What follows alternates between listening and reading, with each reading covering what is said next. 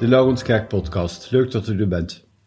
Er zijn bijdragen van Hajo Boerema die het orgel van de Laurenskerk bespeelt en over zijn muziek vertelt. Jan de Bas vertelt over hoe hij met een gesigneerde dichtbundel van Gerard Reven uit de Bijenkorf wist te komen, over een ontmoeting met Reven en diens gedichten die gericht zijn op het hogere in het leven. Verder een bijdrage van Karin Krijkes, econoom aan de Rotterdamse Hogeschool, over vertrouwen. En Bernard van Verschuur, naar aanleiding van een vraag over de wondere praktijken van de koekoek en wat dat met moraal te maken heeft.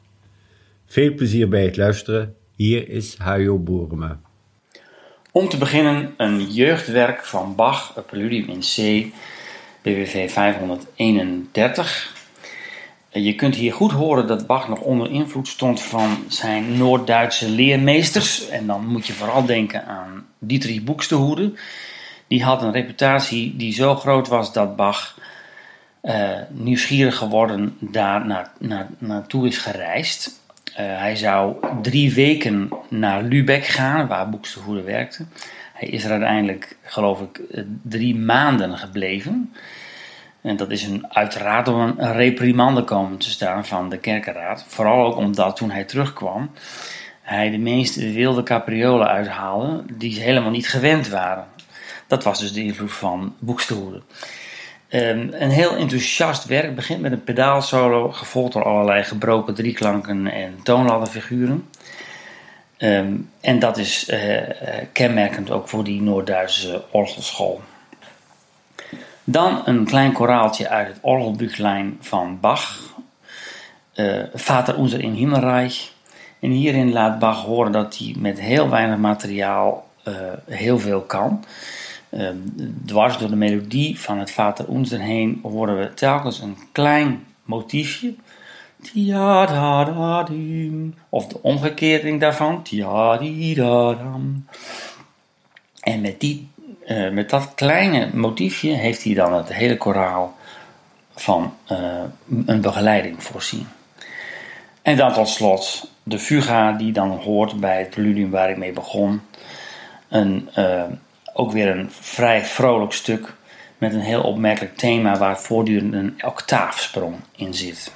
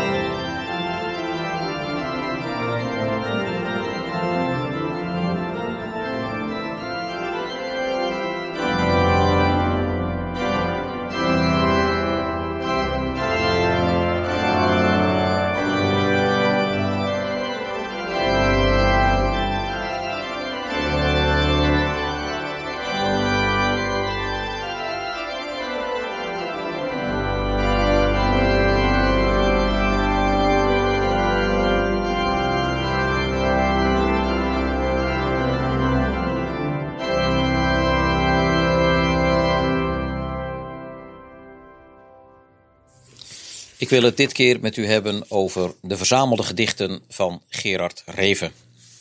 Op 30 november 1991 ontmoette ik Reven bij een signeersessie in Rotterdam. Volgens mij was het bij de Bijenkorf.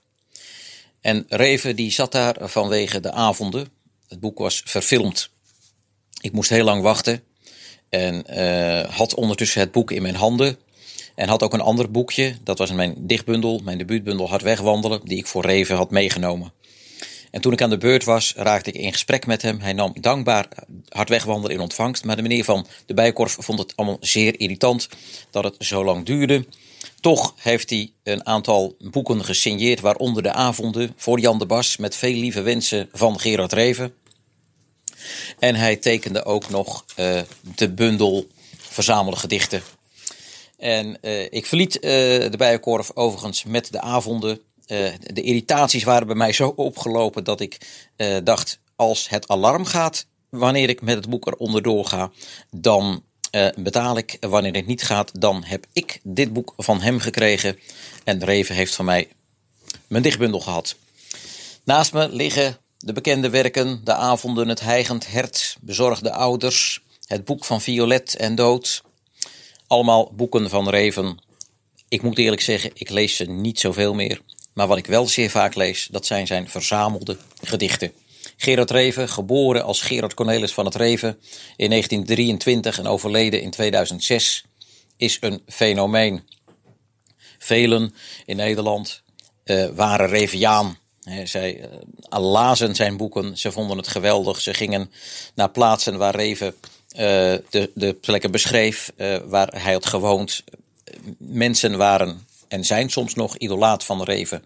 De man met een communistische achtergrond die openlijk uitkwam voor zijn homoseksualiteit en ook voor zijn katholieke geloof.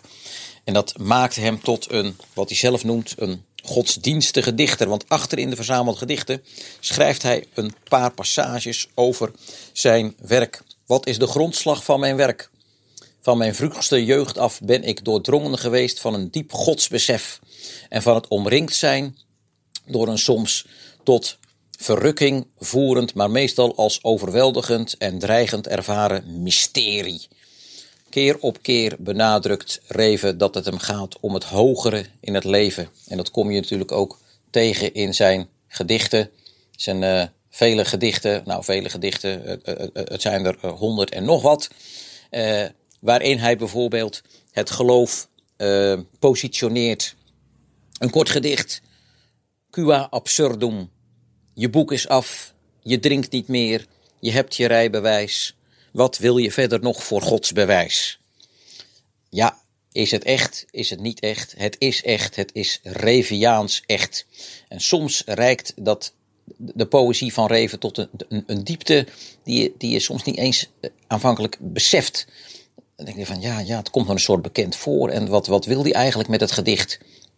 Nou, hij wil er toch eigenlijk op een of andere manier een dubbele bodem aangeven. Van het is het, het verhaal van mij, maar het is ook het verhaal van het algemene geloof. En hij verwijst bijvoorbeeld in het volgende gedicht naar Jacob. Het heet Wiegelied. Ik ging nuchter naar bed en kon niet slapen.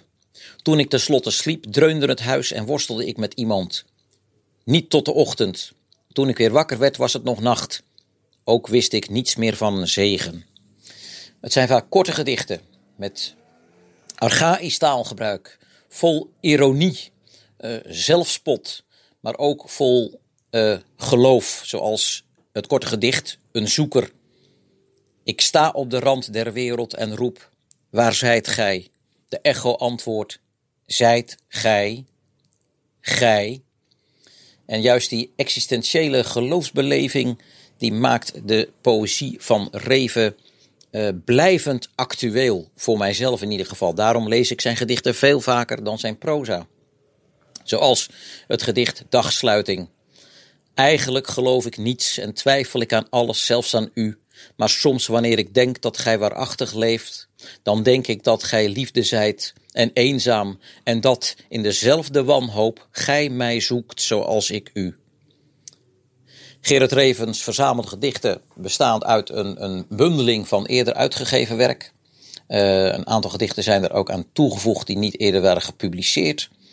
En uh, ja, het is voor de liefhebber van, van, van Reven, maar ook voor mensen die geïnteresseerd zijn in godsdienstige poëzie of poëzie die gaat over de zoektocht van de mens naar de bedoelingen van dit leven, is het een aanrader. En zeker in deze tijd uh, is het een aanrader als het gaat over mensen die zich inspannen voor anderen om niets. En daar wil ik mee afsluiten. Het gedicht is een bekend gedicht, misschien wel het allerbekendste gedicht, staat op bladzijde 80 van zijn bundel. Het heet Roeping, het is opgedragen aan de zusters van Liefde te Weert. Roeping, geschreven in 1973. Roeping, zuster Immaculata, die al 34 jaar verlamde oude mensen wast, in bed verschoont en eten voert, zal nooit haar naam vermeld zien. Maar elke ongewassen aap die met een bord dat hij voor dit of tegen dat is het verkeer verspert, ziet s'avonds reeds zijn smoel op de tv. Toch goed dat er een God is. Verzamelgedichten van Gerard Reven van harte aanbevolen.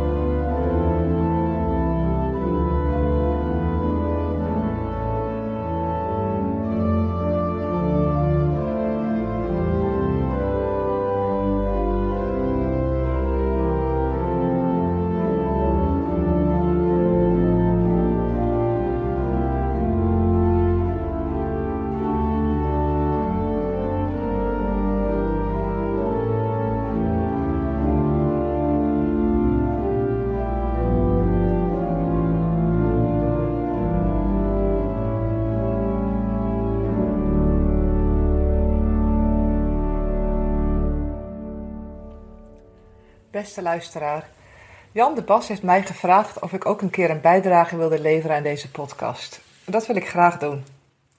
Voordat ik ga beginnen wil ik me eerst aan u voorstellen. Mijn naam is Karin Krijkers, ik ben 43 jaar, ik woon in Rotterdam en ik ben econoom. Ik ben docent economische vakken aan de Hogeschool in Rotterdam. Ik ben kerkelijk verbonden aan de PKN en wel aan wijkgemeente de Samaritaan. Misschien zegt het u iets, maar wij zijn de gemeente die in de zomer, tijdens de zondagmiddagdiensten, altijd gebruik mag maken van het prachtige gebouw van de Laurenskerk. Ik wil vandaag graag even met u nadenken over de rol van vertrouwen. En dan eerst naar aanleiding van een voorval in Pakistan, wat mij trof. En dan wil ik het met u hebben over de rol van vertrouwen in de economie.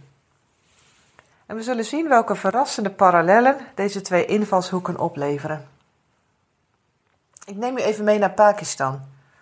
In Pakistan is de meerderheid van de bevolking moslim, dat is 96 procent, en worden de minderheden als tweede rangsburgers gezien.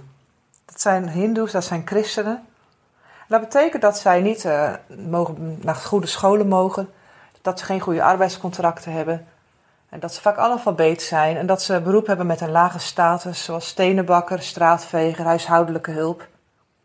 En in deze moeilijke economische tijd, want ook Pakistan kent een lockdown-situatie, zijn deze mensen degene die als eerste thuis komen te zitten. En dat is voor hen een levensbedreigende situatie. Want thuis zitten betekent dus geen geld, betekent geen eten, betekent honger. En ik werd getroffen door wat een moeder vertelde over haar zoon. Zij zegt: Vannacht, toen we weer niets gegeten hadden, zei mijn zoon dat God ons morgen eten zal geven glimlachte en viel in slaap. Het kennelijke vertrouwen van de zoon, maar ook de reactie van de moeder daarop zette me tot nadenken. We weten eigenlijk niet wat er door de moeder heen ging, want dat zegt ze niet.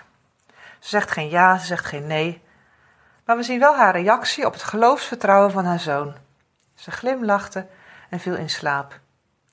Dus blijkbaar hebben die vertrouwenswoorden heel veel effect op haar. Dat heeft haar goed gedaan. Nu wil ik graag met u kijken naar de rol van vertrouwen in de economie. In de economische wetenschap gaat het om het maken van keuzes. Heel simpel gezegd, een euro kun je maar één keer uitgeven. Nou, in tijden van grote onzekerheden is het natuurlijk heel moeilijk om keuzes te maken. Heel veel dingen weten we namelijk niet. We hebben een gebrek aan kennis over de situatie waarin we zitten. Premier, premier Rutte heeft al een paar keer gezegd: we moeten met 50% van de informatie 100% van de beslissingen nemen. Nou, dat nadenken over gebrek aan kennis in de economie, dat is eigenlijk begonnen zo'n 100 jaar geleden, in de jaren 30 van de vorige eeuw.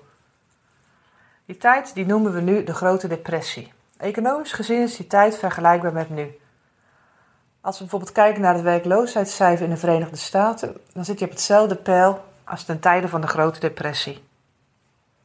De Britse econoom John Maynard Keynes is in die tijd bekend geworden omdat hij heeft gezegd: Wij moeten keuzes maken onder een extreme schaarste aan kennis. En omdat we zo'n gebrek aan kennis ervaren, zegt hij, zijn de keuzes die we maken voor een groot deel niet op kennis gebaseerd, maar op vertrouwen. En dat vertrouwen dat kan positief of negatief zijn, maar economisch gezien heeft het altijd een enorm sneeuwbaleffect. Wanneer dat vertrouwen namelijk positief is, zullen hun mensen geld gaan uitgeven, waardoor de economie weer gaat draaien. Maar wanneer het vertrouwen negatief is, dan gaan mensen sparen en dan zal die economie die toch al kwakkelde verder tot stilstand komen. En het is heel moeilijk om nog uit zo'n situatie van grote depressie om daar weer uit te komen. En vanwege die grote impact dus van dat vertrouwen, heeft de Oostenrijkse filosoof Karl Popper zelfs gezegd dat wij mensen de morele plicht hebben om positief van vertrouwen te zijn. Omdat het zo'n groot effect heeft op de maatschappij waarin we leven. Nu is er uiteraard van alles te zeggen over dat vertrouwen. Hoe je positief kunt zijn, hoe je positief kunt blijven, hoe je dat kunt beïnvloeden. Er is vast ook veel onderzoek naar gedaan. Maar daar gaat het me eigenlijk nu niet om. Waar het vooral om gaat is dat vertrouwen en of dat nou vertrouwen in economie is, of dat het geloofsvertrouwen is, dat vertrouwen dat in wezen is irrationeel. Maar dat dat niet betekent dat het naïef is of dat het dom is. Integendeel, het is juist heel verstandig om vertrouwen te hebben. Want als het goed is, vult het juist het gebrek aan kennis wat we hebben, vult het aan. Het staat dus niet op zichzelf. Het is niet zo dat je je verstand uitschakelt als je vertrouwt. Nee, maar je verstand en dat vertrouwen, dat zorgt er samen voor dat er een positief effect ontstaat op jezelf en op anderen. Het werkt aanstekelijk. Het geeft moed. Als gelovigen zouden we tegen elkaar moeten zeggen, denk ik, hebben wij niet de morele plicht om dat vertrouwen te hebben. Juist vanwege die positieve impact die dat heeft op de samenleving. Als we kijken bijvoorbeeld in de Bijbel bij Habakkuk in het Oude Testament, dan zien we dat hij in een economische uitzichtloze situatie leeft. Want hij zegt: Mijn vijgenboom bloeit niet, mijn stal is leeg. Nu zou je kunnen zeggen: Mijn terras is leeg. Maar toch springt hij van vreugde op in de Heer. Dus dat vertrouwen, het geeft hem veerkracht. Het geeft hem de moed die nodig is om door te gaan. Dan gaan we even terug naar Pakistan. Dan zien we dat die woorden van dat vertrouwen, ook in een situatie die heel uitzichtloos lijkt, dat die ervoor zorgen dat de moeder met een glimlach in slaap kan vallen en de volgende dag weer uitgerust op kan staan.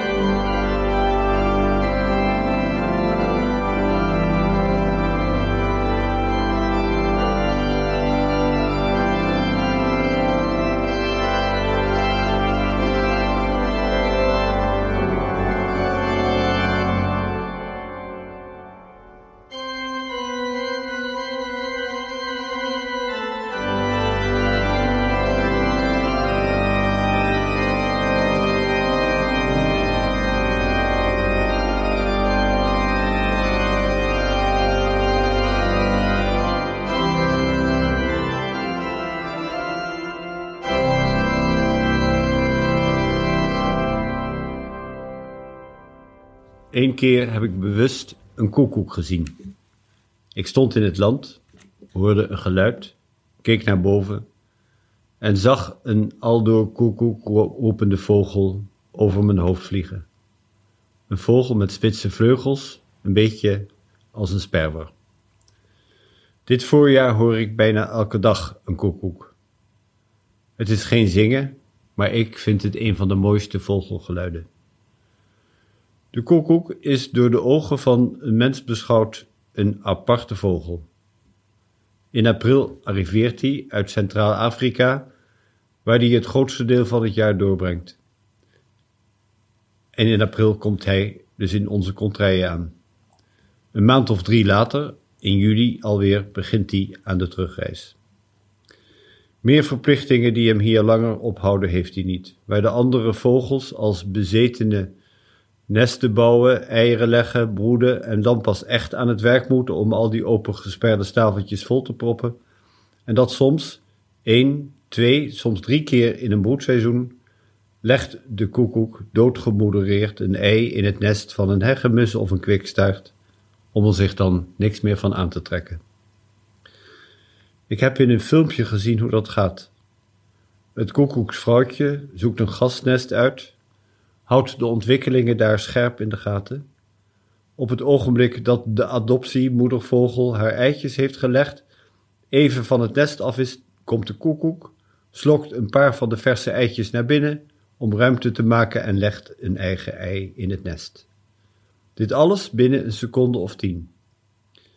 Een vrouwtjeskoekoek kan het geluid van een sperwer nadoen, zodat als ze op het nest bezig is met wat ik net beschreef, en dat geluid maakt, de hegemus of kwikstaart denkt dat hij maar even uit de buurt moet blijven omdat er een sperwer bij het nest is.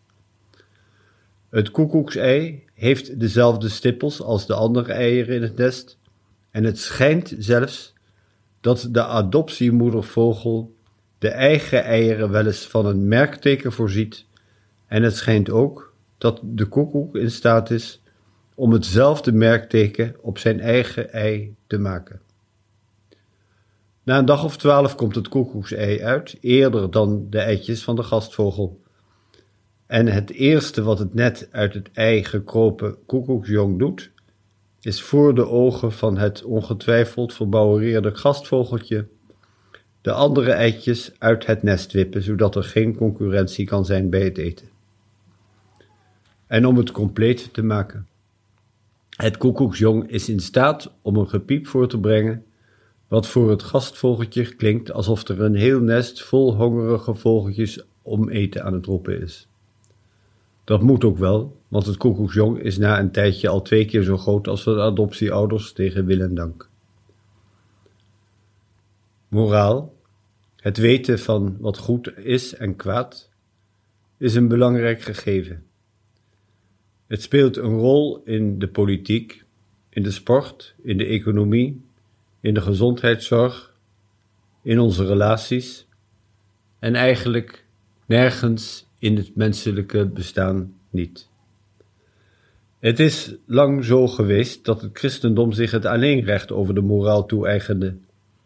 De pastoor of de dominee wist het beste wat goed en kwaad was. Zij hadden het uit de Bijbel of uit een ander boek ze hadden ervoor doorgeleerd. Soms hadden ze het direct van God, zoals in elk geval nog niet zo lang geleden de paus in Rome. In de kerk gaat het ook volgens mensen die daar nog nooit een voet hebben gezet, altijd over moraal. En er zijn nogal wat christenen die dat ook vinden. En als de dingen weer eens niet deugen, dan zeggen mensen er is geen God. En als er een God is die dat allemaal gemaakt heeft of toelaat, dan wil ik met die niks te maken hebben. Wat zou God gedacht hebben toen hij onder de vogels de koekoek schiep? Een voorbeeld voor alle andere schepselen van hoe het niet moet? Ik stel me voor dat je aan de koekoek kan zien dat in de natuur geen moraal bestaat. En hoe ze ook beweren dat een hond het verschil weet tussen een goed en een kwaad mens, en dat er apen zijn die er iets van weten, van moraal. Het komt allemaal voort uit onze menselijke behoefte overal een etiket deugt of deugt niet op te plakken. Maar was het alle mensen van wie wij iets overgenomen of iets geleerd hebben, niet te doen om de vraag wat goed leven is, zoals bijvoorbeeld Jezus? Ja, maar in ieder geval bij Jezus heel anders dan wat er van gemaakt is. Het was niet voor niets dat juist die die door de heersende moraal aan de kant gezet waren, die die niet deugden, zijn vrienden waren. Moraal is een gevaarlijk ding, veel meer dan dat het helpt om het goede te doen. Zet het aan tot dubieuze dingen die moraliseren kan u zelf maar even oplos. Niet zelden het slechtste in een mens wakker maken. Zoals de een die een ander nodig heeft om zichzelf de betere van de twee te vinden. Of dat iemand stiekem geniet van de val van een ander. Ja, regels zijn nodig om te kunnen leven, om behoorlijk met anderen om te gaan, om een ander niet in gevaar te brengen, zoals in onze tijd die anderhalve meter regel. Maar regels maken je niet tot een goed mens. En een goed mens zijn, al was het maar af en toe, ik weet niet zeker of dat ook moraal is, maar ik denk het niet. Een beetje een goed mens zijn, daar heeft iedereen wel behoefte aan. Volgens kerkvader Augustinus is er een regel die alle andere regels overbodig maakt. Omdat die ene regel je helpt om te worden wat je al in jezelf aan goeds verborgen hebt. Die regel luidt: heb lief en doe wat je wil. Anders gezegd, als je in staat bent om lief te hebben, en ik geloof dat ieder mens daar in aanleg een talent voor heeft, dan hoef je er niet zo hard over na te denken wat je moet doen, hoe je moet leven. Dat komt dan vanzelf. Dat maakt regels en dus ook moraal overbodig. En met liefhebben bedoelt Augustinus daar als met aandacht op iemand anders betrokken zijn, in staat zijn om je te concentreren, om je in iemand anders te verplaatsen, om je verbonden te voelen met iemand. En daar, van die dingen, knapt geen mens niet van op, zou ik zeggen. En al het andere wat je doet, al het andere in je leven, komt daaruit voort of is daarvan een afgeleide. Misschien past de koekoek ook wel in het geconcentreerd aandacht hebben, liefhebben. De werkelijkheid met zijn schoonheid en zijn lelijkheid, met zijn geluk en met zijn lijden, met zijn moralisme en met zijn onbekommerd zich nergens iets van aantrekken. Een mens kan er zich verloren en helemaal thuis in voelen. Een paar regels uit een psalm over het voorjaar, uit de 65ste psalm. U hebt met kracht de bergen vastgezet. U bent omgord met macht. U brengt tot bedaren het geraas van de zeeën, het gebulder van de golven, het tumult van de volken. Vrees voor uw tekenen vervult de bewoners der vechten. U brengt gejuich van het oosten tot het westen. U zorgt voor het land en bevloeit het. U maakt het vruchtbaar. Vol van water staat de rivier van God. U bewerkt het land voor het koren. Zo bewerkt u het. U doordrenkt de voren en effent de kluiten. Doorweekt ze met regen en zegent het jonge groen. Volgende week een Pinkster-podcast met muziek, dichters, gedachten en weer een psalm. Dag, tot dan.